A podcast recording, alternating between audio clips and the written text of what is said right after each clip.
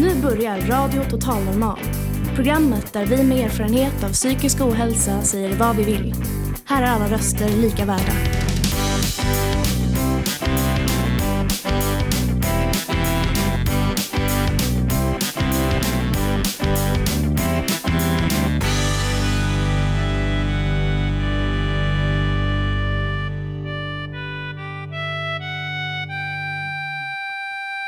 Hej och hjärtligt välkomna till Radio Total Normal, ditt psyke i etern. Som vanligt hittar ni oss på 101,1 MHz i Stockholms närradio. Idag sänder vi vårt andra sommarspecial. Programmet består av två delar där den första är en föreläsning där författaren Åsa Moberg berättar om Adams bok. Det är en mycket uppmärksammad, utlämnande och gripande bok som hon skrev på 70-talet tillsammans med Adam Inse de Gombos. De hade en relation och han levde med psykisk ohälsa som tog sig ut i perioder av starka psykoser och mani. I vår andra del får ni höra Anders Linders föreläsningsmusikal om Maya-kalendern. Han förklarar på ett härligt, humoristiskt sätt Maya-kalenderns alla vågor och svängningar med både prat och sång. Så missa inte det. Föreläsningarna är en del i ett samarbete vi under våren haft tillsammans med nättidningen Socialpolitik och Fountain House Stockholm. Genom dessa föreläsningar har vi försökt ge inspiration till eget skrivande för alla som vill prova. Föreläsningarna har sedan följts av workshops med skrivuppgifter och det hela resulterade i den lilla skriften Till mitt barn-jag som blev färdig på vår sista livesändning innan sommaren den 15 juni. Klippning och musikläggning står Anders Lövdin för. Inspelningarna är båda gjorda med en bandare framför Anders Linder och Åsa Moberg, så därav kan ljudkvaliteten svaja lite. Jag hoppas ändå att ni kan ta till er av innehållet som är fantastiskt från båda dessa briljanta snillen. Jag som talar idag heter Malin. Välkomna till detta sommarprogram. Varsågoda, här kommer Åsa Moberg. Han och jag var till en början ute och pratade om den tillsammans. Och det var ju bra att vi var två. Om, om han då var för dålig och inte kunde någon viss dag så fick jag sköta, sköta det där pratandet ensam. Och jag tror att vi kunde ha tillbringat resten av våra liv med att prata om den här boken. Intresset var enormt stort. Jag har skrivit 24 böcker i mitt eh, långa författar och journalistliv och ingen, inget kan mäta sig med hur stort intresse det var för den här boken. Det var en av de, kanske en av de första i en, eh, som man kan säga, en liten våg av att människor berättar offentligt om sina psykiska problem. Det var ju väldigt sällsynt att någon berättade om sin egen psykiska problematik eller familjens problem. Eh, jag träffade Adam 1989 för att eh, han skulle hjälpa mig att översätta. Jag hade fått ett översättningsuppdrag från franska och jag eh, kunde franska så så dåligt så jag hade nätt och jämnt lyckats läsa den där boken som jag skulle översätta. Det var en roman av en författare som heter Simone de Beauvoir, en klassiker. Boken heter Mandarinerna och det var en så tjock roman. Och Eh, de sa på bokförlaget Norstedts som den skulle översättas till att vi har haft många kvalificerade, akademiskt kvalificerade översättare som har anmält sig men de kan tyvärr de kan ingen svenska. Alltså deras svenska är för trist, det går inte. De, de lämnar prov och så får de inte jobbet för de skriver för dålig svenska, för tråkig svenska. Men du kan ju svenska. Och då sa jag så här, ja det kan jag men inte så mycket franska. Och då fick jag göra provöversättning och de sa, du kan alltid hitta någon, du känner säkert någon som kan franska. Och då kom jag på att jag, det här var då 1989, då kom jag på att jag på 60-talet hade bott granne i Vita bergsparken med Monica Nielsen och Adam Insedi Gombos. Monica Nielsen var då liksom en superstjärna i mm, teater, musikal och visbranschen. Och eh, hennes sambo Adam Insirigombos var eh, fotograf och eh, oerhört stilig, en av Stockholms vackraste män. Och, eh, men vi hade inga förbindelser i övrigt. Men då, kom, då fick jag veta att han bodde i Paris så då kontaktade jag honom och frågade om... Franska var hans modersmål, han var ungersk baron. Och då frågade jag om han skulle kunna hjälpa mig att översätta. Och det, det, eh, först ville han inte men sen så ångrade han sig och så kom han till mig. Jag bodde ensam, jag hade blivit änka Jag bodde ensam på en liten ö i en liten sjö i Västerdalarna. Det var ju sådär måttligt lockande för en storstadsbo som, som han var. Han, men, men, men när han tänkte om så eh, fick jag hämta honom och vi åkte tillsammans till min lilla Holme och vi hade varsitt hus där. Det fanns två hus. Och så började vi jobba ihop och, så, och, och eh, jag märkte ju att han inte mådde så bra psykiskt. Men han hade två fantastiska talanger. Alltså dels var han otroligt bra som översättare. Dels lagade han fantastisk mat. Så vi, vi hade liksom, och så hade jag andra eh, gäster också. Så vi hade liksom ett översättarliv. Jag var nattmänniska och han, jag vet inte om han egentligen hade någon bra tid på dygnet men han funkade bättre från fyra fem på eftermiddagen än, än på morgonen. Så vi översatte på kvällarna och eh, jag var dessutom tv-recensent för Aftonbladet varannan, alltså 15 kvällar i månaden. Så vi, de kvällar som jag inte var det så översatte vi. Och det gick väldigt bra. Och så jobbade vi ett år och han åkte tillbaka, eller ett halvår, och så åkte han tillbaka till Paris. Jag tror att han hade tänkt sig att han skulle komma tillbaka och vi skulle göra klart den där översättningen och det skulle ta någon vecka liksom. Men, men när han kom tillbaks då var väl ödet som det var. Då hade vi besök av några tolvåriga flickor som när det blev midsommarafton, jag hade varit inblandad i en väldigt olycklig kärlekshistoria och Adam hade ingen kärlekshistoria vid den tidpunkten och de tolvåriga flickorna tittade väldigt strängt på mig och sa nu får du sluta gråta så här, nu, nu får du ta Adam. Och det var inte, inte så att jag hade tänkt att det var min favorit, men han var absolut alla barns favorit. Han, han var eh, bland annat trollkar och gjorde fantastiska trollkonster.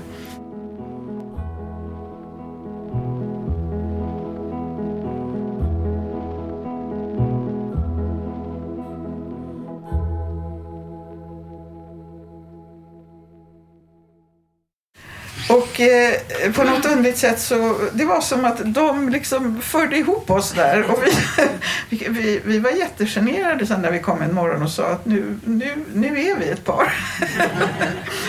Men jag visste väldigt mycket om eh, mentalsjukhusen i Sverige för jag blev journalist 1968 och då hade jag en bild där jag var i helfigur i tidningen och alla som var inlåsta någonstans och hade mycket tid, de skrev eh, till mig, särskilt män men även kvinnor faktiskt.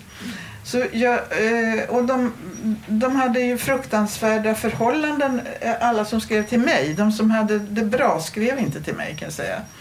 Så, så jag var på många besök och jag tyckte verkligen att det, eh, hela, hela den här sjukvården verkade helt under isen och jag träffade många hemska läkare och åtskilliga väldigt bra läkare. Både eh, alkohol och narkotika och eh, psykiatersvängen. Så eh, det var väldigt uppenbart att om någon ville göra något bra så fanns det kompetent folk som också ville göra bra saker och en del som lyckades.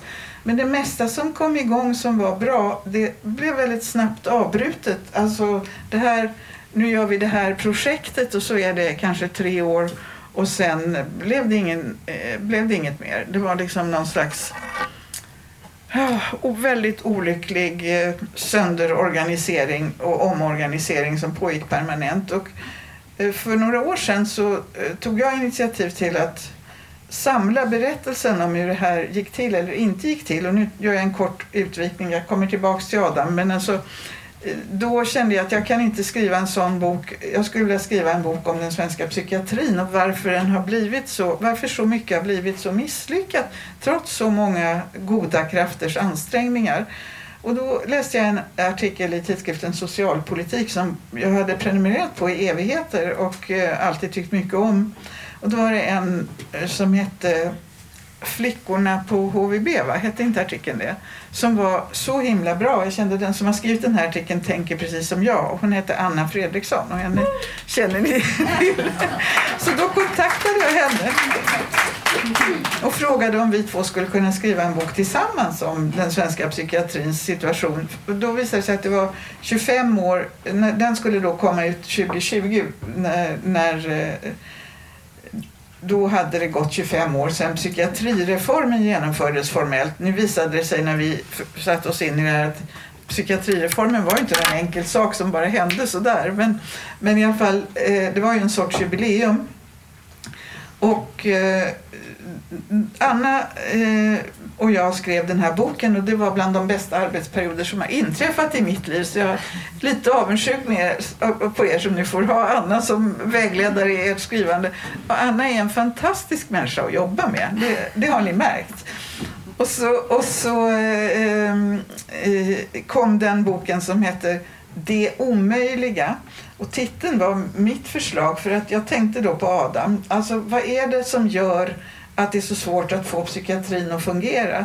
Och en av anledningarna är ju eh, att patienterna är väldigt svåra människor. och det, ofta. De kan vara som Adam och ha sina otroligt charmerande sidor men en del har inga charmerande sidor ens eh, utan är bara jobbiga. det får man. Men, men alltså, om man inte fattar att man har att göra med svåra människor så, så kommer man ju aldrig kunna eh, reformera det här. Och sen handlar det ju om maktförhållanden. Vår, vår bok eh, trodde vi väl båda skulle, att vi skulle kunna turnera jag såg framför mig sådär ett turnéprogram som Adam och jag hade haft, att Anna och jag skulle få ha ett sånt. Och då var det april 2020 och då vet ni vad som hände. Då blev det pandemi. Så de få eh, förhandsbokningar som vi hade, de bara försvann i ett svart hål. Och jag fick själv det tunga uppdraget att åka till Sveriges Television i Malmö och presentera vår bok. För att det skulle vi ha gjort, jag skulle ha gjort det i Stockholm. Det skulle vara någon liten tv-intervju och till Stockholm fick jag inte åka, det var för långt hemifrån. Eh, det var ju väldigt strikta gränser för hur man fick röra sig. Jag fick den absurda upplevelsen att köra motorvägen Helsingborg-Malmö helt ensam. Vi var liksom typ fem bilar som var ute den dagen. Kan ni tänka er? Det var... Men i alla fall, så den boken hade ju inte den effekt som man möjligen hade tänkt sig. Nu kan man säga så här, den här boken den hade jätteeffekt, den väckte jättestort uppseende. Vi hade hur många föreläsningar som helst om den. Förändrade den något? Nej.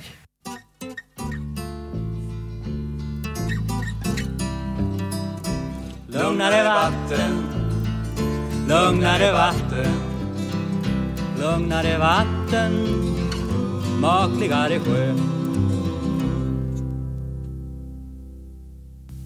Det gjorde den inte. Så att det blir ingen skillnad i praktiken. Men det var ju härligt att känna att det som man hade skrivit betydde mycket för många människor.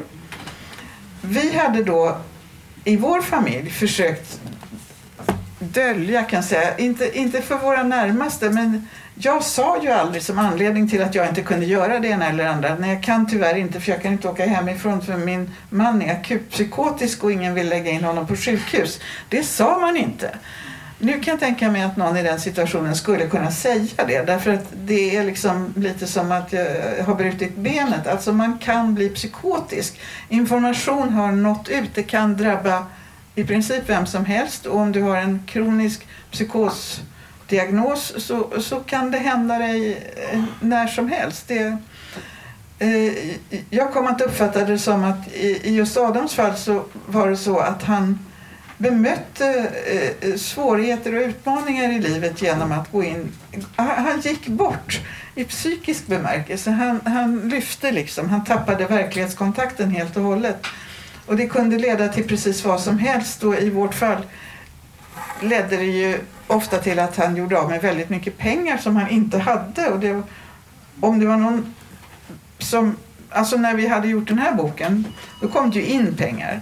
Men i vanliga fall var det jag som, som med mina frilansartiklar eh, fick ihop lite pengar så vi kunde betala alla de här räkningarna som uppstod hela tiden. Men Adam försök, förklarade för mig då i början att eh, förutom att vi skulle översätta så skulle han skriva klart sin bok. Och det var ju bra att sitta på en isolerad ö i Västerdalarna och skriva. Det ingen skulle störa.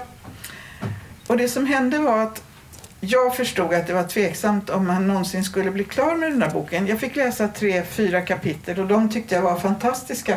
Men det blev inte fler kapitel. Och jag hade en författarväninna, Birgitta Stenberg, som dog 2013 och hon var också väldigt tagen av Adams sätt att skriva och, och uppmuntrade honom på alla sätt. Och då var faxen en teknisk nyhet så vi faxade väldigt mycket eh, bilder och texter mellan hennes ö på västkusten och, och vår eh, lilla ö i Dalaskogarna. Han hade, kan man säga, en liten fanclub av aktiva eh, författare som uppmuntrade honom. Och det hjälpte inte. Han kom inte loss att skriva egentligen ändå. Och då när vi satt och pratade så, så tänkte jag att om det här ska bli en bok så får, jag, så får jag fylla i med lite av det som han säger som han inte lyckas skriva. Och, och de av er som har skrivplaner och inte kommer till skott då kan jag bara säga, hitta någon som, är, som ni har förtroende för, som ni tycker om att prata med och be den människan att spela in eller anteckna. Helst spela in för att det, det blir ju mer exakt då. Och så, och så berättar ni det som ni har tänkt skriva om och gärna i korta sekvenser för att ofta när man har något som man väldigt gärna vill skriva om så är det något tungt som man knappt orkar tänka på. Och då är det bra om man tar det i korta sekvenser. Så att man liksom inte förutsätter sig att jag ska skriva eh, klart min bok på Alltså folk är väldigt optimistiska, även jag, när man ska börja skriva en bok. Det tar, räkna med att det tar tio gånger minst så lång tid som man tror och att det blir tio gånger så lite användbar text som man tror av alla mödor. I vilken ände man än börjar så är det så mycket som bara måste bort för att det passar inte in eller det blev inte bra. Eller, men man ska aldrig slänga något. Man ska spara tills man är åtminstone klar med det projekt som man har en dröm om att det ska bli. Och i, nu är jag 75 och då kan jag bara säga, inser jag att många projekt som jag har haft en dröm om, de blir ingenting. Och då var det väl tråkigt, jag kommer att dö ifrån dem och det kommer inte att störa någon. Så, så det är heller inget farligt om man inte blir färdig. Börja! Och, och, och skriv, eh, man kan skriva på lösa blad som man eh, kan samla ihop i någon mapp eller någon perm så att de inte kommer bort. Och jag är ju så gammal så jag, är, jag tror ju inte att något är på riktigt om det inte är på papper. Så jag vill ju läsa allt som jag har skrivit själv på papper för att jag ska veta att det är skrivet. Eh, eh, min pappa som dog 2014, då var han 96. När han fick dator sent i livet då, då, kunde inte han förstå den här principen att har man skrivit något i datorn så finns det kvar. Han tog bort allt. Han printade allt på ett papper och sen raderade han. det tyckte den förläggare som skulle ge ut en bok som han hade skrivit. Alltså han skulle ge ut en bok på ett väldigt litet förlag där han var med och finansierade utgivningen själv. Och den förläggaren blev ju väldigt ledsen över att han hade raderat allt. Så ni ska spara det även i dator eftersom, eftersom man gör så nu för tiden. Allt är ljust och varmt fast vi fryser Laserstrålar lyser Då möts vi här som Storsjön är blå och laget är ÖFK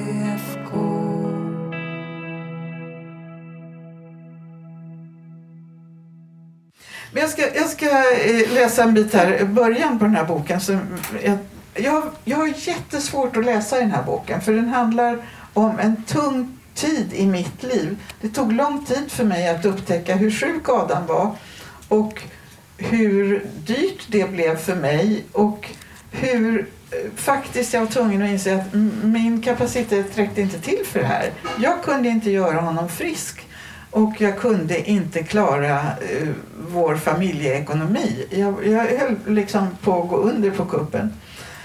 Eh, då säger, men, men jag hade också väldigt, väldigt många fina dagar, kvällar, stunder. Bland annat med samtal av den här sorten.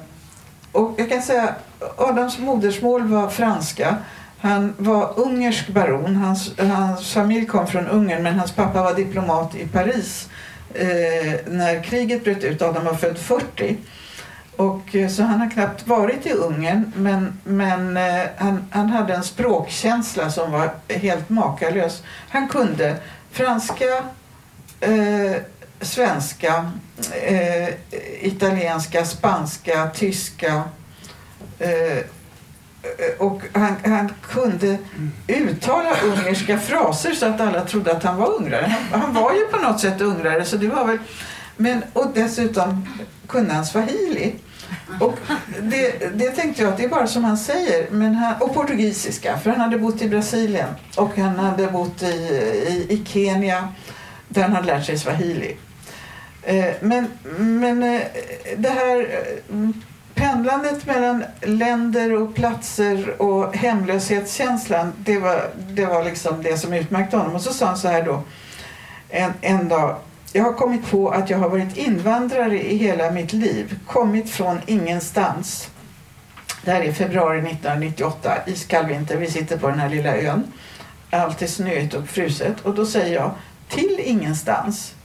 Och han säger, jag är fan ta mig statslös. Jag kan aldrig åberopa några minnen hemifrån för jag har aldrig haft något hem. Jag har aldrig fått ha några barndomsminnen. Jag har alltid fått skapa mina barndomsminnen. Andra som irakier eller kurder som kommer till Sverige kan sakna bergen, en doft av lavendel, en annan himmel. Jag kan inte ens sakna något. Jag har kommit underfund med att den här, det här ambitionsföraktet som jag har, det beror på min situation. Om du är helt upptagen av att rättfärdiga ditt liv, ditt, din existens inför folk som ifrågasätter dig, då får du ingen kraft att vilja måla eller skriva eller något sånt. Hej, var kommer du ifrån? Vad är det för accent du har? Alltid. Först trodde jag att det var nyfikenhet, vänlighet. Men nu har nyfikenheten blivit misstänksam. Det är ett hemskt tillstånd. Det är jobbigt att vara i exil hela sitt liv. Lekholmen är som en hamn för mig. Det, det, var det verkligen inte varje dag. Det var, det var helvetet många dagar. Och då säger jag, utanför allt, det är väl därför det passar dig. Ja, det passar mig verkligen. Jag tänker på saker som dyker upp som inför anandet av ett slut. Jag menar inte levercirros eller något sånt, men kanske självmord. Och då blir jag lite orolig och säger, det måste inte hända något. Vi kommer ju ändå att dö inom 20-30 år. Och då kan jag passa på att infoga att Adam dog eh, 2020, i juni 2020. Och då var han på sjukhus inlagd för någon ganska... Eh, eh, det var inget farligt och det var inte covid fick vi veta. Ingen fick hälsa på honom för det var ju restriktioner. Och så fick vi höra en kväll att han skulle komma hem. Han bodde då i Säter i en lägenhet.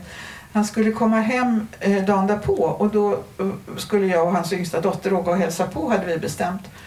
Och, och den dagen så, eh, så dog han på morgonen. När de kom in på morgonen till honom så dog han. Och då var han alltså bättre. Han hade, han hade slutat andas. Han var 80 år, han hann fylla 80 år. När vi hade det här eh, eh, eh, samtalet, då var det en kväll där på ön när vi var lätt berusade och, och samtalet vindlade hit och dit. Och eh, Ja, Adam berättar om sitt liv och här ska jag inte läsa för här var det för mycket ångest för mig alltså. för, för uh, uh, men, men alltså så här skrev Adam, uh, nu läser jag hans text. Uh, Pariservår heter det här kapitlet. De tyska officerarnas smala leenden blixtrade som dolkar i solen. Det var vår i Paris och när våren blir förälskad i Paris och Paris blir förälskad i våren så finns det ingen i världen som kan göra någonting åt det. Det här är hans barndom alltså. De dödsdömda poeterna hade gått ur sina iden. De satt vid kaféborden och strödde blygsamt ut sånger och dikter bland, spra bland spralliga sparvar och dansanta duvor. De hade fått lite färg på kinderna, de hostade inte blod längre. Några hade tvättat håret. Baudelaire förflyktigades långsamt i ljuset. Och sen är det då en skildring av hur, hur han och hans mamma och hans lillebror och barnflickan Anna eh, eh, tar sig ner i skyddsrummet för att det här är ju då Paris under eh, bombhot. Och eh, där, där, där sitter de och eh, eh, det är inte barnflickan är tyska och mamman försöker få henne att inte tala tyska. Eh, de kom alltid på natten de här attackerna. Jag visste att de skulle komma trots att jag var så liten att jag knappt minns mig.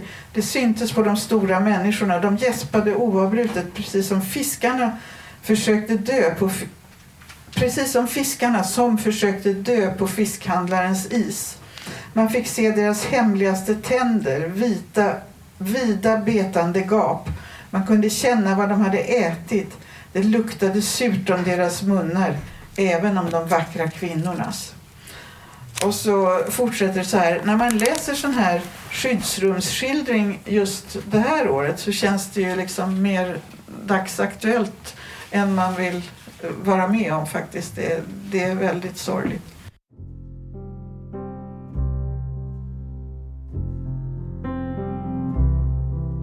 Du lindar av Volvon en midsommarkrans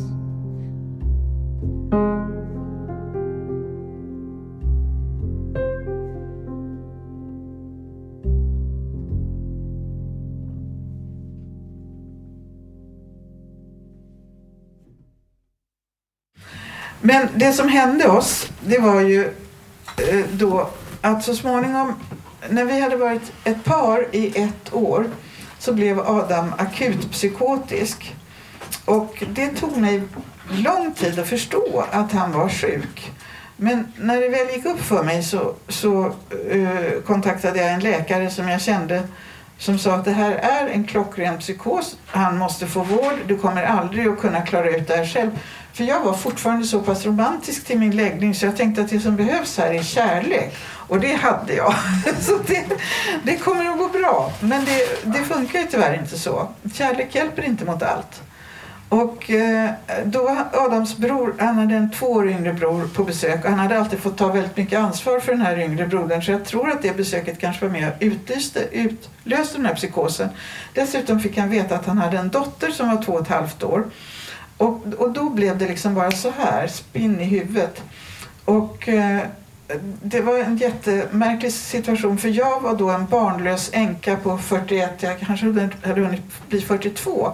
Och jag blev jättelycklig att jag skulle kanske få ett bonusbarn som jag kanske skulle få umgås med en tvååring. Man kan ju inte bara slita fram en tvååring så där ur handflatan liksom. Men jag kände, jag blev lika lycklig som han blev olycklig kan man, säga, kan man sammanfatta det.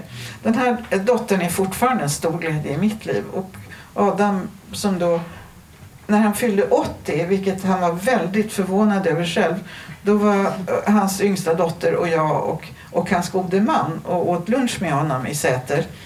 Och det var så trevligt, han var på så gott humör, han var på precis vad ska jag säga, sitt allra bästa. Han, han eh, berättade minnen från sitt liv och hon har senare berättat för mig att hon spelade in allt han sa. Och jag vet inte hur, hur hon kom på den tanken. För, för jag märkte inte det alls. Han märkte det inte heller för då hade hon ju slutat prata direkt. Och vi hade så trevligt och konstaterade då att vi alla var lika förvånade att han, att han levde så länge så att han fyllde 80. För i hans hårda ungdom hade han ju tänkt nog att han skulle bli högst 30. Men jag vill bara säga att eh, alla kan göra en bok men det är inte säkert, man kan inte göra en bok själv. Man behöver någon som man kan samarbeta med. Och min första sambo, han som hade dött när jag träffade Adam, han hette Tor Ivan Odulf. Han höll på med en roman i säkert 20 år, de sista 20 åren av sitt liv. Och eh, han hade så svårt att komma igång och skriva och då, var det, då sa jag, det här har jag inte tänkt att jag skulle berätta idag men det är ju, kanske passar ganska bra. Till slut sa jag till honom, prata nu det som du vill skriva eftersom du inte kan skriva så kan jag skriva ut det åt dig för jag tröttnade ju på att höra den här eh, romanen, liksom vad den nog skulle bli. Och, och eh, när han dog då så hade eh, han skulle komma hem och eh, vi, då jobbade han på, han hade, han hade blivit psykoterapeut, han var färdig, han, han hade patienter och så skulle han komma, de var i Stockholm och så skulle han flytta sin verksamhet. Han skulle bli handledare och han skulle kunna jobba mer i Dalarna och han var jätteuppåt. Och, och, och då eh, hade han ett kapitel som inte var inplacerat i den där boken men i övrigt var den klar och han skulle bara komma hem och foga ihop den. Och så kom han aldrig hem och så då visade det sig att han hade dött i natten, alltså i sin säng på natten. Och eh, jag blev sittande med den där romanen som jag då hade skrivit ut och verkligen följt tillkomsten av. Så jag var väl bekant med den och, och då kände jag att nu måste jag foga ihop det här. Så jag fogade ihop det och det blev en roman och den blev inlämnad till ett förlag som hette Fischer och Rye och eh, som blev jätteentusiastiska och det blev, den, den går fortfarande att läsa eh, och jämfördes Ja, det, det tar vi sen. Men i alla fall, den har jämförts med allt möjligt fint. Den blev nominerad till det allra första Augustpriset. Då fanns det bara ett pris, alltså fanns bara en priskategori, men den var en av, en av de sex bästa böckerna som utkom i Sverige 1989. Det var ganska kul. Mm, den vann inte, men, men eh, så kan det också eh, gå till när en roman blir till. Alltså. Det finns tusen sätt att få ihop en bok. Men har ni en bok inom er så försök, försök all, åtminstone de tio som ni hinner innan ni dör, om vi säger så.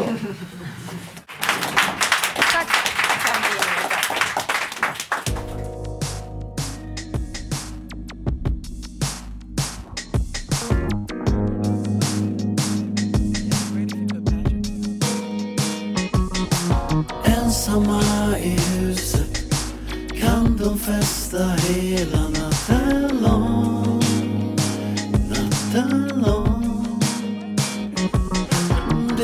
glädjeruset. Röken stiger upp från en balkong.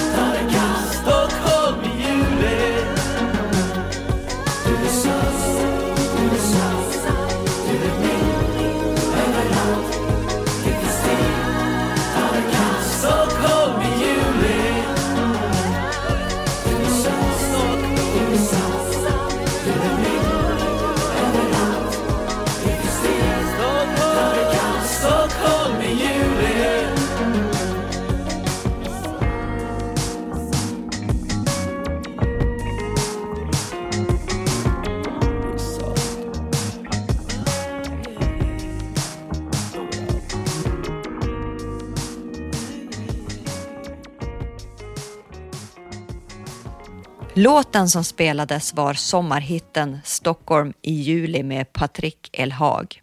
Innan dess hörde ni Åsa Moberg berätta om Adams bok som hon skrev tillsammans med Adam Insedigombos. Den finns fortfarande att köpa tillsammans med en massa andra spännande böcker som Åsa Moberg skrivit. Många handlar om psykvården, bland annat de omöjliga som hon skrivit tillsammans med Anna Fredriksson, chefredaktör för nättidningen Socialpolitik. Klippning och musik stod Anders Lövdin för. Nu mina damer och herrar så kommer Anders Linder med en häpnadsväckande sång och pratföreställning fullspäckad av teorier kring Maya-kalendern. Föreställningen grundar sig på böcker skrivna av Carl Johan Kalleman. Den här versionen av föreställningen är ett genrep och har spelats in med mikrofon liggande framför Anders Linder. Därav kan tekniska detaljer och ljudkvalitet vara lite svajande. Men vi hoppas ändå ni får en glimt av denna härligt galna, roliga och lärorika sång och pratshow av sällan skådat slag. Varsågoda, här har ni Anders Linder. Ja, där har vi första bilden. Titta noga på den. En pyramid. Jag ska prata lite här så att ni hör vad jag säger. Hör ni bättre nu? Jättefint. Nu ska jag försöka hålla mig till det. Det där är pyramiden i Chichen Itza. Och det ligger i Mexiko. Och ni kan särskilt se, för jag kommer återkomma till det, om ni tittar på den här lilla vågrörelsen som går nerför. Eh, det är en särskild dag på året, igår, på vårdagjämningen, som solen träffar det här så att det blir denna vågrörelse ner. Och den har mycket att göra med deras ideologi och hur de ser på det här. Men nu ska jag börja med något helt annat. Jag undrar varför ser det så in i helvete taskigt ut i världen överallt, var man än tittar. Det är ju inte klokt, jag vill inte vara med, jag går och dö. Nej, men det kan man inte göra. Men det är ju så förskräckligt. Det måste vara något kosmiskt som har hänt oss. Vi har drabbats. Jag ska ta och rada upp. Varför stannar hela hittills självklart framrullande demokratiska utvecklingen fram och som de sista tio åren har bara stopp. Ja, ni vet. Va? Varför ifrågasätts allting på en gång? Varför bryts den progressiva euforin? Ni kommer ihåg för tio år sedan, det var det eh, Occupy Wall Street och det var eh, den arabiska våren och det var Pussy Riot och det var en massa protester över härliga saker som sen har gått över till sin, sin motsats. Eh, I, avrättningar, halshuggningar, jag vet inte vad som man inte har sett sedan medeltiden. Och så kommer det en massa populismer som dyker upp och Trump, jag vet inte, det var bättre. Make America Great, han längtar tillbaks till gamla tider. Och det, han är inte ensam, hela eh, Sverigedemokraterna, att det är Sverige som det var. Så där. Alltså, det är så konstigt. Vad är det? Är den här ekonomiska krisen som drabbade 2008 som har slagit över hela världens alla. Klimatförändringarna har du gjort. Vad sa du? Klimatförändringarna. Ja, klimatförändringarna pågår. Och tror att det är det som gör Trump hysterisk? Ja. Det, det, han verkar inte bry sig så mycket, men, men det är ju mycket som pågår samtidigt. Och klimatet ska vi inte, det vågar jag inte tala om här egentligen. För nu pratar vi om de här sociala förändringarna. Eller den nyliberala globaliseringen eller IT-utvecklingen som bara gapar på med sina hat och hot. Och, vad är det för nya möjligheter vi har fått? Ja, varför går allt så fort? Jag hinner inte med! Det verkar som en chock, en impuls som tränger igenom och påverkar alla invånare på vårt klot. Är det en reaktion? Ja, på vad då i så fall? Kan det vara en impuls som är inbyggd i utvecklingen på jorden så vi har kommit fram till någon slags stor vändpunkt? Ja. Eh, har det funnits andra tidpunkter på jorden där det har kommit sådana här förändringsimpulser? Och, och, kan det vara så att vårt medvetande under sen Big Bang har utsatts då och då för pong, denk, konk?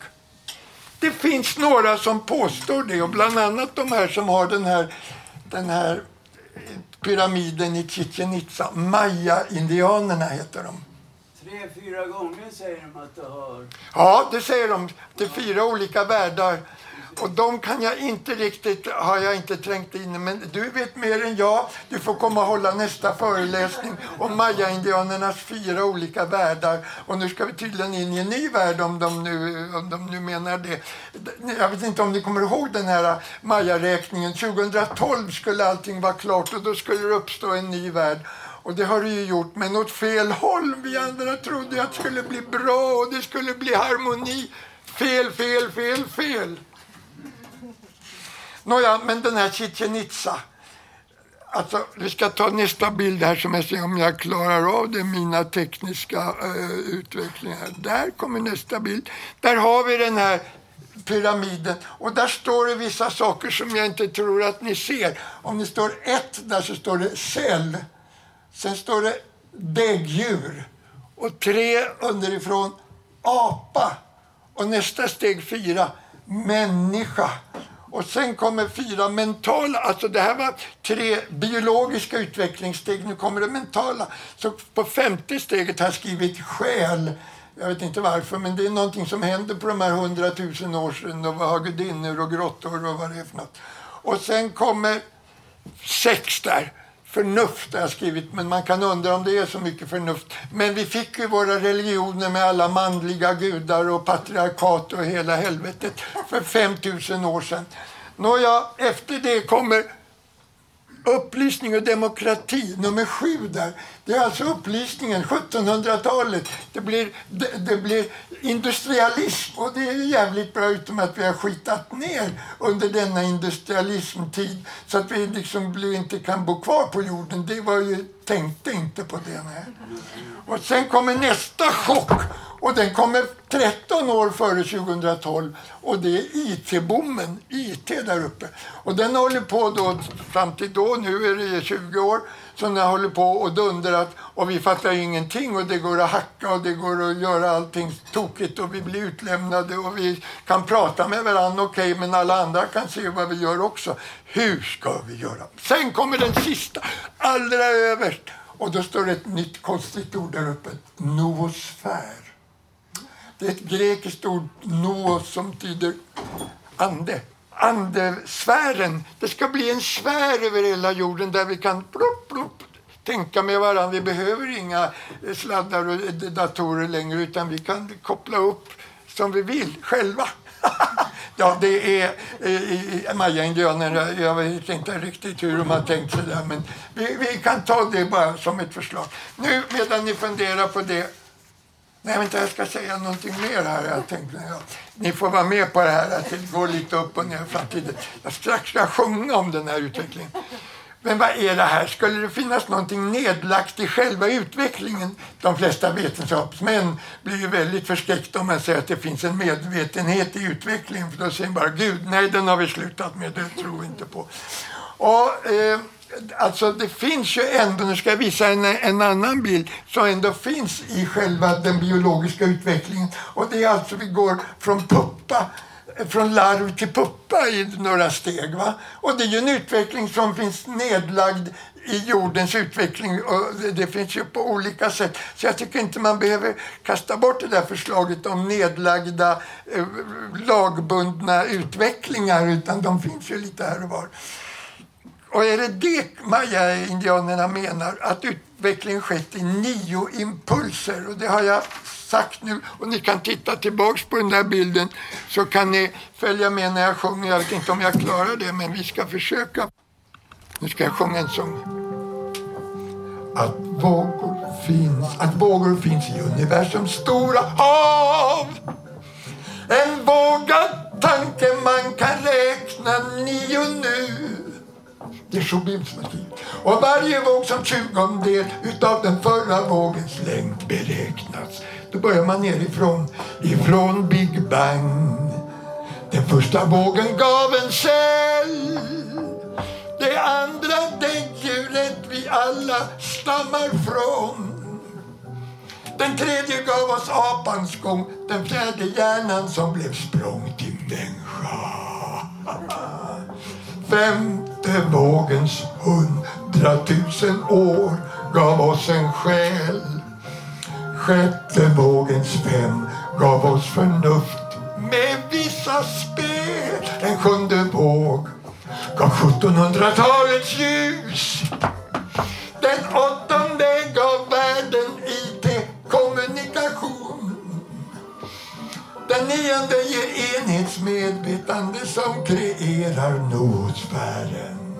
Ni kan tänka Greta Thun. Tänk på det. Hon har det där, Greta Thun. Hon är redan inne i ett annat sätt. Greta Thun, Greta Thun, Greta Thun. Apapadopadopapadoppolappan bom. Nej, nu måste jag... Oj, hur ska jag få tyst på den här nu? Där får jag tyst på den. Så, ja, jag är lite, lite. Tack så mycket, tack, tack, tack. Ja, vi försöker... Eh, ja, vi får dras med de där bilderna där. Jag kan inte... Det, det, tekniken kommer nästa gång. Då ska, jag, då ska jag och Malin ha gått igenom det här. Så vi, ni blir från...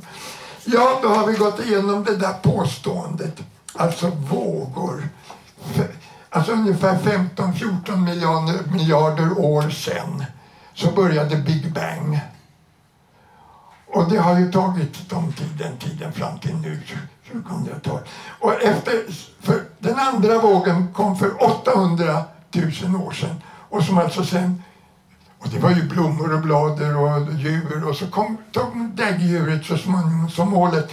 För att den här eh, växten den är ju bara en den roterar kring sig själv, jag menar en grad. Men sen kommer däggdjuret som har två sidor så att det utvecklar sig på något nya sätt som man måste hålla på och fundera över. Det tredje blev då till en upprättstående varelse, det där däggdjuret som plötsligt fick en tumme och kunde göra saker med den. Och så blev det en eh, apa som kunde klättra och använda sin... Och sen kommer då hjärnan som växer ut på denna apa. Och det tar fyra miljoner år från eh, upp till upprättstående. Ja. Sen kommer från de två sista miljonerna har lett till människan. Ja. Och nu är vi alltså för hundratusen år sedan när vi börjar begrava våra döda och sånt där. Det kommer plötsligt en massa sammanhang som vi lever i. Det uppstår en kultur och symboliskt tänkande och ett språk. Man kan prata. Det är svårt att förstå först, men ba, ba, ba, ba. ja, det förstod jag. Eh, och sen kommer då för 5000 år sedan patriarkatet och då blir det ju en sagolik utveckling som man inte hade kunnat drömma om tidigare.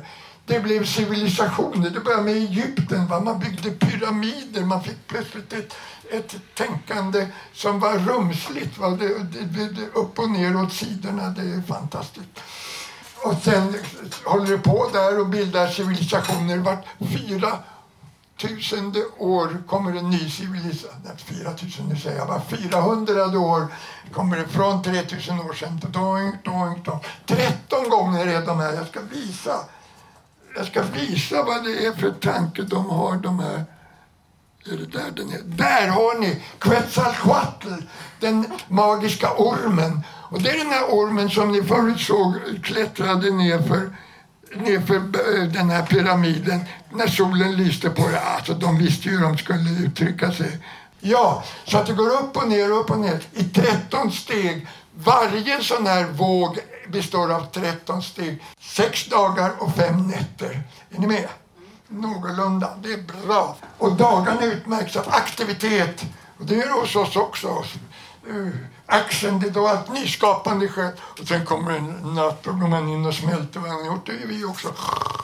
Och sen, åh, nu måste jag skapa en ny. Och så kommer grekerna eller det kommer uh, hetiterna. Vad heter de olika civilisationerna? Jag ska komma på det på slutet. Och de här 13 dagarna, man kan alltså nämligen gå tillbaka till den här utvecklingen som började med, det är ju samma sak vi ser från frö till limpa, ax till limpa. Alltså vi börjar med den första, ser ni där uppe? Det börjar med ett frö och nästa våg börjar det gro och sen nästa så växer det och sen kommer det, står det form blir det, så blir det knopp, plopp och så kommer blomman, plopp det är alltså en, två, tre, fyra, fem, sjätte dagen och sen kommer frukten på sjunde dagen. Och vi kan se hur det också kan gå i cirkel så här. Alltså vad har vi där? Frö, gro, växa, ja, stamblad, knopp, blom. Och så går det runt igen för att den där blomman kommer ju tappa några slags frön sen och så börjar de om från början. Så att det är en väldig uträkning bakom vem det nu är som har gjort det. De sista mentala utvecklingsvågorna är ju då den för 10 000, 100 000 år sedan då vi fick ett inre och sen för 5000 år kom patriarkatet och uppfinningarna och civilisationerna och de bara vart 400 år. Den sista dagen den kommer år 1600 fram till nu då Amerika och England, alltså England och Amerika bildar den västerländska civilisationen. Och innan dess var det som ni vet, år 0 var det ju Rom som föll 400 år senare. Så att det är mycket som stämmer i det här och det är det som gör mig lite Eh, förundrad. Julian James heter en knutte som skrev en bok om The Origin of Consciousness, ursprunget av medvetenheten i brottet nedbrytandet av the bicameral mind. The bicameral mind, han menar att innan 5000 år sedan så hade vi två hjärnhalvor som jobbade med varandra. I den ena satt gudarna och talade om och vi lydde och var snälla och höll på. Eller jag menar, det var intuition och det var det. I den andra så har vi då börjat ut, utforma. Och att de jobbade ihop på den tiden. Men sen kom alltså den här... Han skriver att för 5000 tog ett språng från kontakten med den inre intuitiva upplysningen till ett, alltså det var då ett samhälle som byggde på the great mother till ett med manliga gudar, nationstänkande och patriarkatsamhälle. På den tiden var väl jorden platt? Ja, den var platt för vi hade inte kommit längre då. Nej, det är riktigt, vi måste hålla ordning på föreställningarna. här. Fastjorden är ju rund. Ja, nu ja. Men det var någon som sa det på 1600-talet och då blev den det. Alltså, då, blev- ja, just det, jag tänkte inte på det, sa vi, men nu tänker jag på det. Så att det här stora förändringen anser jag tyder på att det kan finnas såna här impulser som kommer till mänskligheten. Nu ska jag sjunga en sång. Bikamerala sammanbrottet. Det kom för 5000 år sedan. Sen har vi fått det som vi fått det. Vi får väl se hur det går sen. För yin och yang med varsin klang vill gärna klinga i sammanhang. Och nu är hjärnan som vart delad så hjärtans hjärna blir helad. Ja, det är det jag hoppas på. Och Tack ska ni ha. Tack, tack, tack. Ja, det verkar inte som det är mycket he helning på gång just nu. Men alltså, hela den här processen måste få ta sitt, sin gång. De här som är födda i nionde vågen, de, de födda 2011, ska jag säga. Jo, men där står ju när det där kom 2011, 12, alltså 2012 när allt var klart. Då kom de där sista snabba vågorna. Och de, som föddes då är ju bara 13 år, nej det är 12, 11, 10, 11, 12, 11 år idag. Och de har inte hunnit verka än. Men när de kommer igång då kommer de att rädda jorden. om nu trodde att klimatförändringarna skulle ta koll. Det där kommer en, ny, en nytt medvetande. Hoppas jag, drömmer jag om. Halleluja. Ja, jag kan inte inga ord efter mig. Så här heter den boken som den här killen har skrivit. Han heter Carl-Johan Kalleman som Malin och jag har eh, stött på och eh, vi försöker ta oss igenom det här. Så småningom kommer ni också, jag lovar. Ni ska igenom det här. Nu ska vi se hur långt vi har kommit. Där har vi bikamerala samarbete. Alltså, nu, nu har ni själva idén klar för er, va? Ja, det är bra. För nu tänker jag nästan bara sjunga i fortsättningen här. Så får ni tänka på de här nio, vå, nio, niovåningshuset, niovåningspyramiden. Cell, däggdjur, apa. Nej, cell, däggdjur, apa, människa. Ja, det var de fyra biologiska. Sen kommer det plötsligt kommer det något innehåll. Man liksom plötsligt får en själ. Hjälp! Oj, oj, oj. Är det så jag ser ut inuti? Jaha. Och sen kommer skallen och räknar ut, jo då, vi kan göra si och så. Och sen kommer hela industrialismen de sista 260 åren. Och så kommer de sista 13 åren fram till 2012. Och då kommer IT och vi börjar alldeles knäppa och börjar kapa och, och lyssna. Därför har det blivit värre och värre. Ja, det, man kan tolka det så. Men vi har ju fått lite...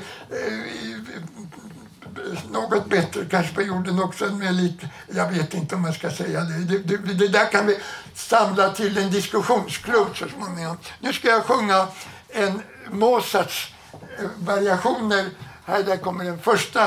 Eh, alltså, eh, på den, apropå den aktuella artutrotningen så tänkte jag ta hjälp av en numera utdöd måsart.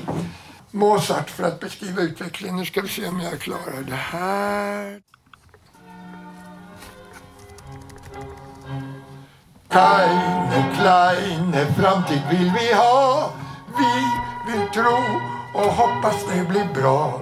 För att förstå vad framtid är, vad den i skötet bär. Så bara se och lär av vår historia, se den utan gloria. För nu kan det troliga hända något bra. Människan i botten är fredlig, begåvad för kärlek av gudomligt slag. Bra på samarbete, samspel, en samhällsvarelse som fick ett språk som gav ett helt nytt stråk. Och vi var till åk, men stråket öppnade två sidor i vårt medvetande hus. Ett med mörker, ett med ljus. Och ljuset gav ett rus, men mörkret födde rädsla. Hur ska vi bli kvitt den skräck vi fick i hjärtat mitt? Jo, tre försök till lösning fick vi se. Först så kom gudinnan, ni vet hon som var gudinnan. Henne var det lätt att vara med. Här var det jämlikt och heligt med fred. Hon riter, arrangerar och cykler reflekterar. Och ingen dominerar, men livet kombinerar sexualitet med andlighet. Hon bjöd på värme och helhet, mat och fröjd, på lek och fruktbarhet.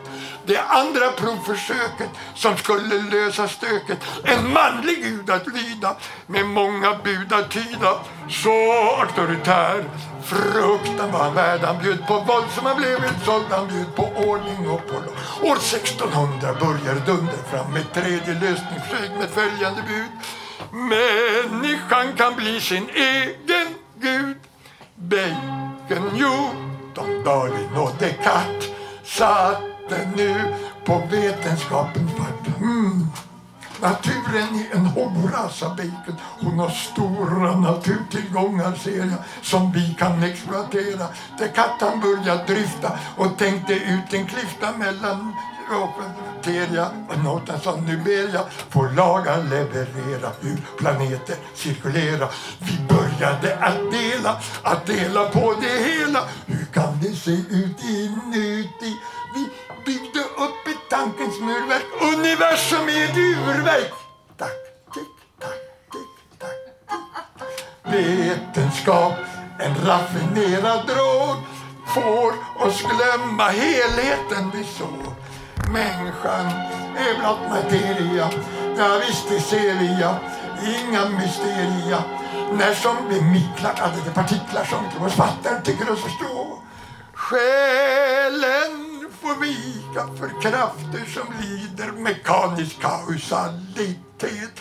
Allt har splittrats, det har vittrat och förbittrats till små viljelösa ting som är utan sting som är ganska dinga och som reduceras till ett obegripligt ingenting helt utan sammanhang till prylar utan klang som lönnettöknader som köp och slit och släng.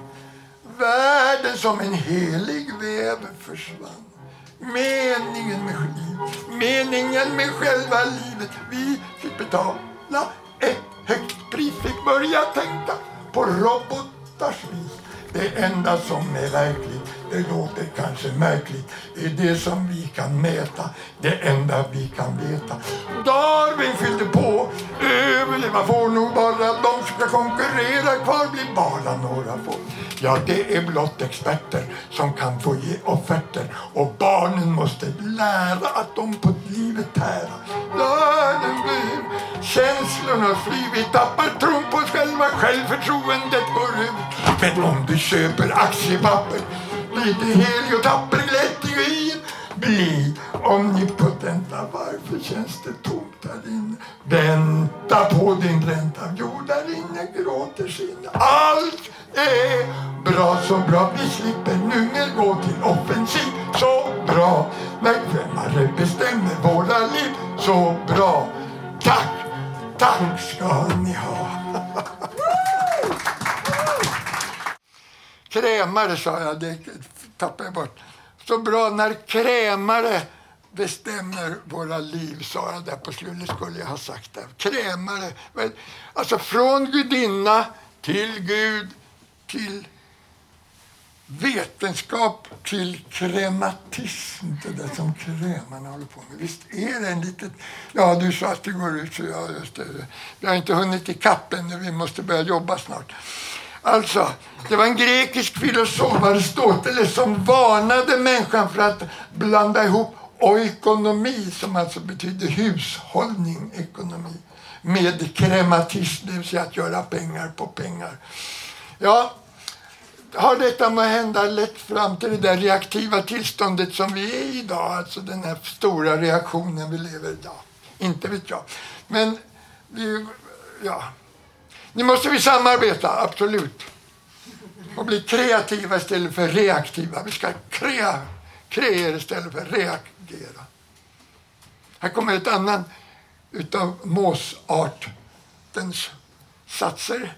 Det här är börjar med ett Shakespeare-citat. Människan är ett underverk. Tänk på det. Människan är ju dock, dock ett underverk. Ädel, förnuftig, oändlig själs förmögenhet speglar allt. En kosmisk varelse. Och märk as above, ja so below. Det är en lagbundenhet. Kan vi bara överge idén om att allt blott är död materia? Att istället minsta lilla sten är en värld fylld av miljoner relationer kan vi börja ana att vår världsbild är för stel. Helheten är mer än summan av alla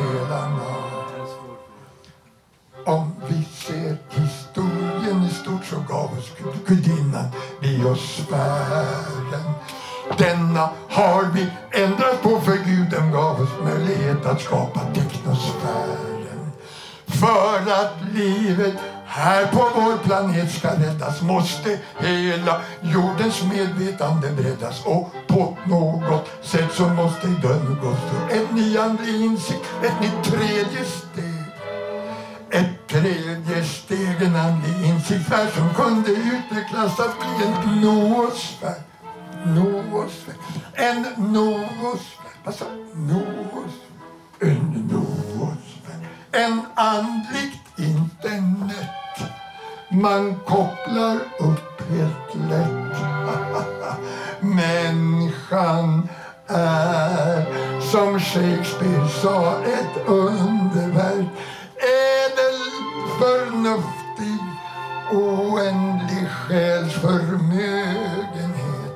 Därför blir det också hennes eget verk att till slut få skapa möjligheten till helighet.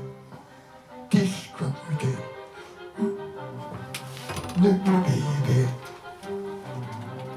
allt det hoppar dagen lång. Kvantfysik som musik man blir lik, rik, det liknar likdom akustik. Språng på språng, gång på gång, dagen lång som en sång. Pling, plong. Kvantfysiken hejdade vår sturighet. Inget är säkert av det vi trodde, det vi vet. Allt beror på betraktarens belägenhet. Anden måste också räknas in i vår vetenskaplighet. Vi tvingas nu börja om från början igen. Heisenberg har visat våra gränser. Vi behöver nya rätt Ja, kära ni, det var mycket på en gång. Kvantfysik och Heisenberg, halleluja. Tack snälla. Ja, ja, ja, ja, ja, ja. Nej, men vi får bilda studiegrupper om det här. Det hör jag det för att det är knappt jag förstår själva. Skulle kvantfysik kunna ändra någonting i vår värld? Ja, det pågår just nu ett paradigmskifte. Paradigmskifte är detsamma som byte av världsbild. Förra gången det hände det var på 1600-talet när vi liksom började räkna med, vi kunde sortera ut Gud. Och det var när vi fick Descartes och Galilei och det här att jorden var rund och allt det här. Vi liksom fick en vetenskaplighet och industrialism. Man ersätter Gud med vetenskap. Men det som sker idag är lika omstörtande. Man vet, ersätter vetenskap med medvetande. Hela jord, hela universum ska jag säga, ett stort medvetande som vi deltar i, som vi kan koppla in på när vi bara får, vi blir lite snabbare på det där. Ja, så här sa Max Planck, en av kvantfysikens mästare. Jag betraktar materian som en funktion av medvetandet. Jaha, tack. och Ja. Sen kommer Einstein. Beträffande materien har vi haft fullständigt fel. Det finns ingen materia. Det finns bara energi. Ja, just det. E är lika med mc2. Det är. Energin är lika med materien gånger ljushastigheten. Det är alltså samma sak. Det- Ja, alltså det här är ju jävligt svårt. Jag ska jag sjunga en tredje sång eh, innan ni får gå hem. Och det är, den har jag pratat om förut. Det är tredje satsen. Vi haver en hjärna, den är väl huvudsaken. Den består av två delar i varsin domän. Den vänstra kan tänka, analysera varje del. Den högra ser helhet och kan ge sig hän. Till vänster sitter guden Göran men se upp, han gör och gör med högra delen av sin kropp. Den som är the right side, så fräsig och frän. För Göran är det fråga om antingen eller både och kan inte rymmas i hans celler. Svårt att se skogen, man ser bara träd. Med en chans du har till trans får du av högra halvan stimulans. Drömmarna och helheten i livets dans. Det är där gudinnan är, en möjlig länk till jordens nosfär. Och kanske kan vi kalla henne Äran för det är ju hon som bara är och är. Och om pressen ifrån Göran blir för stor och skapar stress i våra hjärnkontor då kommer äran med en ära med kärleken hon alltid bär. Det är från högra delen nytt av hjärnan som planetens stora läkekälla är. Vi kopplade bort gudinnan för flera tusen år sedan. Guden tog över, det känns lite snett.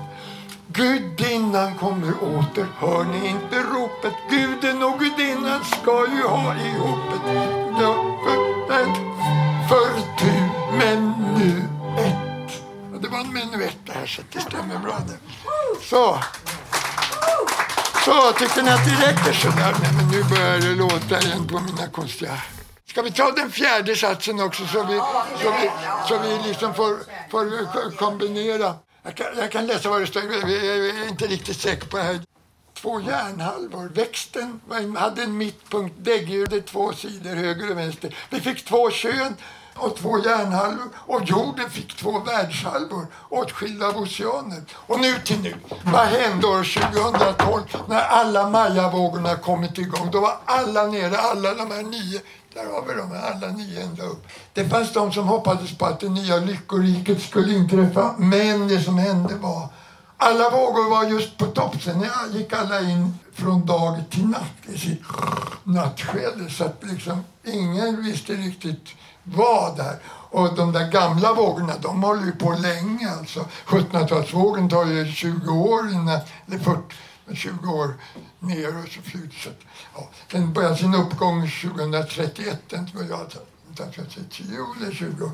Ja, så att här utbryter total förvirring. Plus att allting går 20 gånger fortare än sen 99 eller sen 11. Alltså allting har ju gått fortare och fortare för varje gång så här. Man, det börjar författare skriver om tidskrympning. Alltså att vi inte hinner med och vi skiljer oss för att vi inte hinner med att eh, det kommer nya impulser för lite för snabbt och allt det där.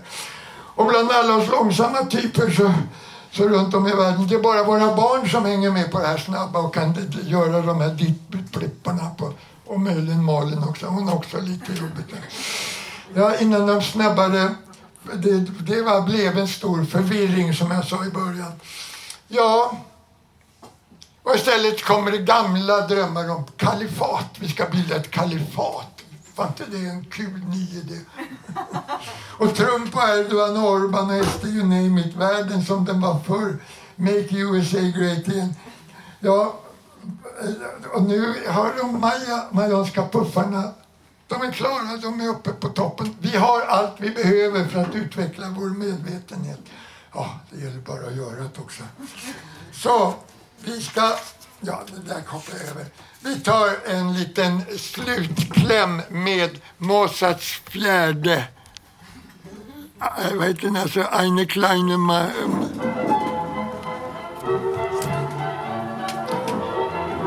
kan man ändra på den västerländska världsmodellens trend. Går det att vända på vår kurs och komma ur vår återvändsgränd? Går det att sluta med vår krigarfärd med order, instruktion?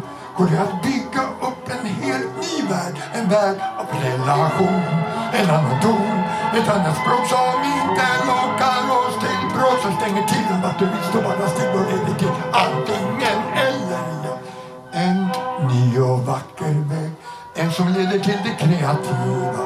En väg som omvandlar det reaktiva. Går det att försöka tänka både och? Kan det vara ett bättre sätt att inte gå i flock, att inte lägga på något lock?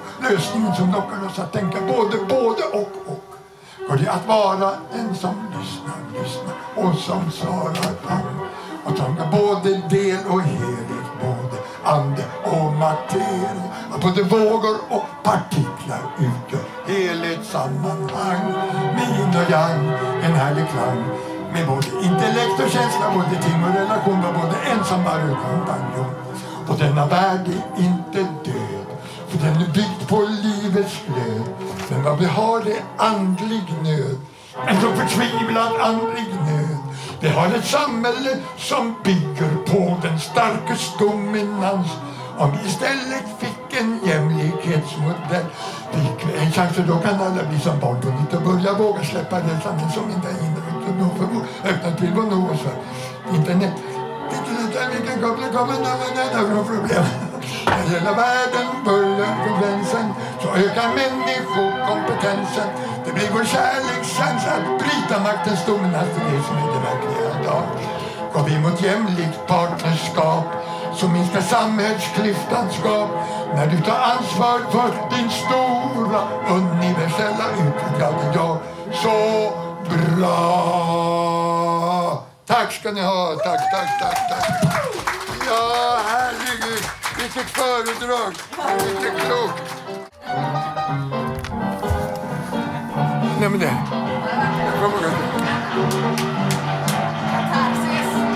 Hemligheten bakom dagens världen heter American Petrol när vi efter kriget i en nyhet slutade med kol. Vi byggde upp vår värld på olja och på individualismens mål. Var tuff och smart med go och fart och bil Nej men nu, nu blev det för många. Nu är det båda på en gång här. Tyst på det. Sluta. Jag trodde man kunde stänga av. Ja, nu är den helt knäpp. Den- Den kanske slutar med. Nej, men alltså. Pandoras ask. nu, nu blir det slut. Tack, tack. tack. Malin, vi får lära oss Vi får nästa lära oss gång. det tycker jag. Ja. Tusen tack Anders. Tack snälla. Ni hörde Anders Linder med sin sång och pratshow om Maya-kalendern och dess svängningar, grundat på böcker av Carl Johan Kalleman. Anders Linder spelar både denna föreställning och lite andra här och var i Stockholm, så håll utkik om ni vill se och höra mer av honom. Innan hörde ni Åsa Moberg berätta om Adams bok som hon skrev tillsammans med Adam Inse de Gombos. All klippning och musikläggning gjordes av Anders Lövdin. Dessa båda föreläsningar är en del av ett samarbete med nättidningen Socialpolitik och Fountain House Stockholm. Föreläsningarna har följts upp av workshops med skrivuppgifter och det hela resulterade i den lilla skriften till mitt barn jag som ni kan lyssna på utdrag ur bland annat från releasen vi hade i vårt program från den 15 juni. Och det här var faktiskt allt vad vi hade att bjuda på idag. Vi sänder en massa härliga repriser resten av sommaren och kör igång med nya fräscha sändningar i slutet av augusti eller början av september så håll utkik på våra sociala medier. Till dess kan du alltid lyssna på oss via www.radiototalnormal.se. Där finns alla våra program samlade. Du kan också lyssna på oss där poddar finns. Vill du vara med i programmet när vi börjar igen i höst kan du höra av dig till info radiototalnormal.se. Radio Total Normal drivs av mediehuset Fanzingo med stöd från Socialstyrelsen, Fountain House Stockholm och ABF. Tekniker var Johan Hörnqvist och jag som pratar nu heter Malin Jakobsson och jag är även producent. Tack för att ni lyssnat och ha en fortsatt jättetrevlig sommar.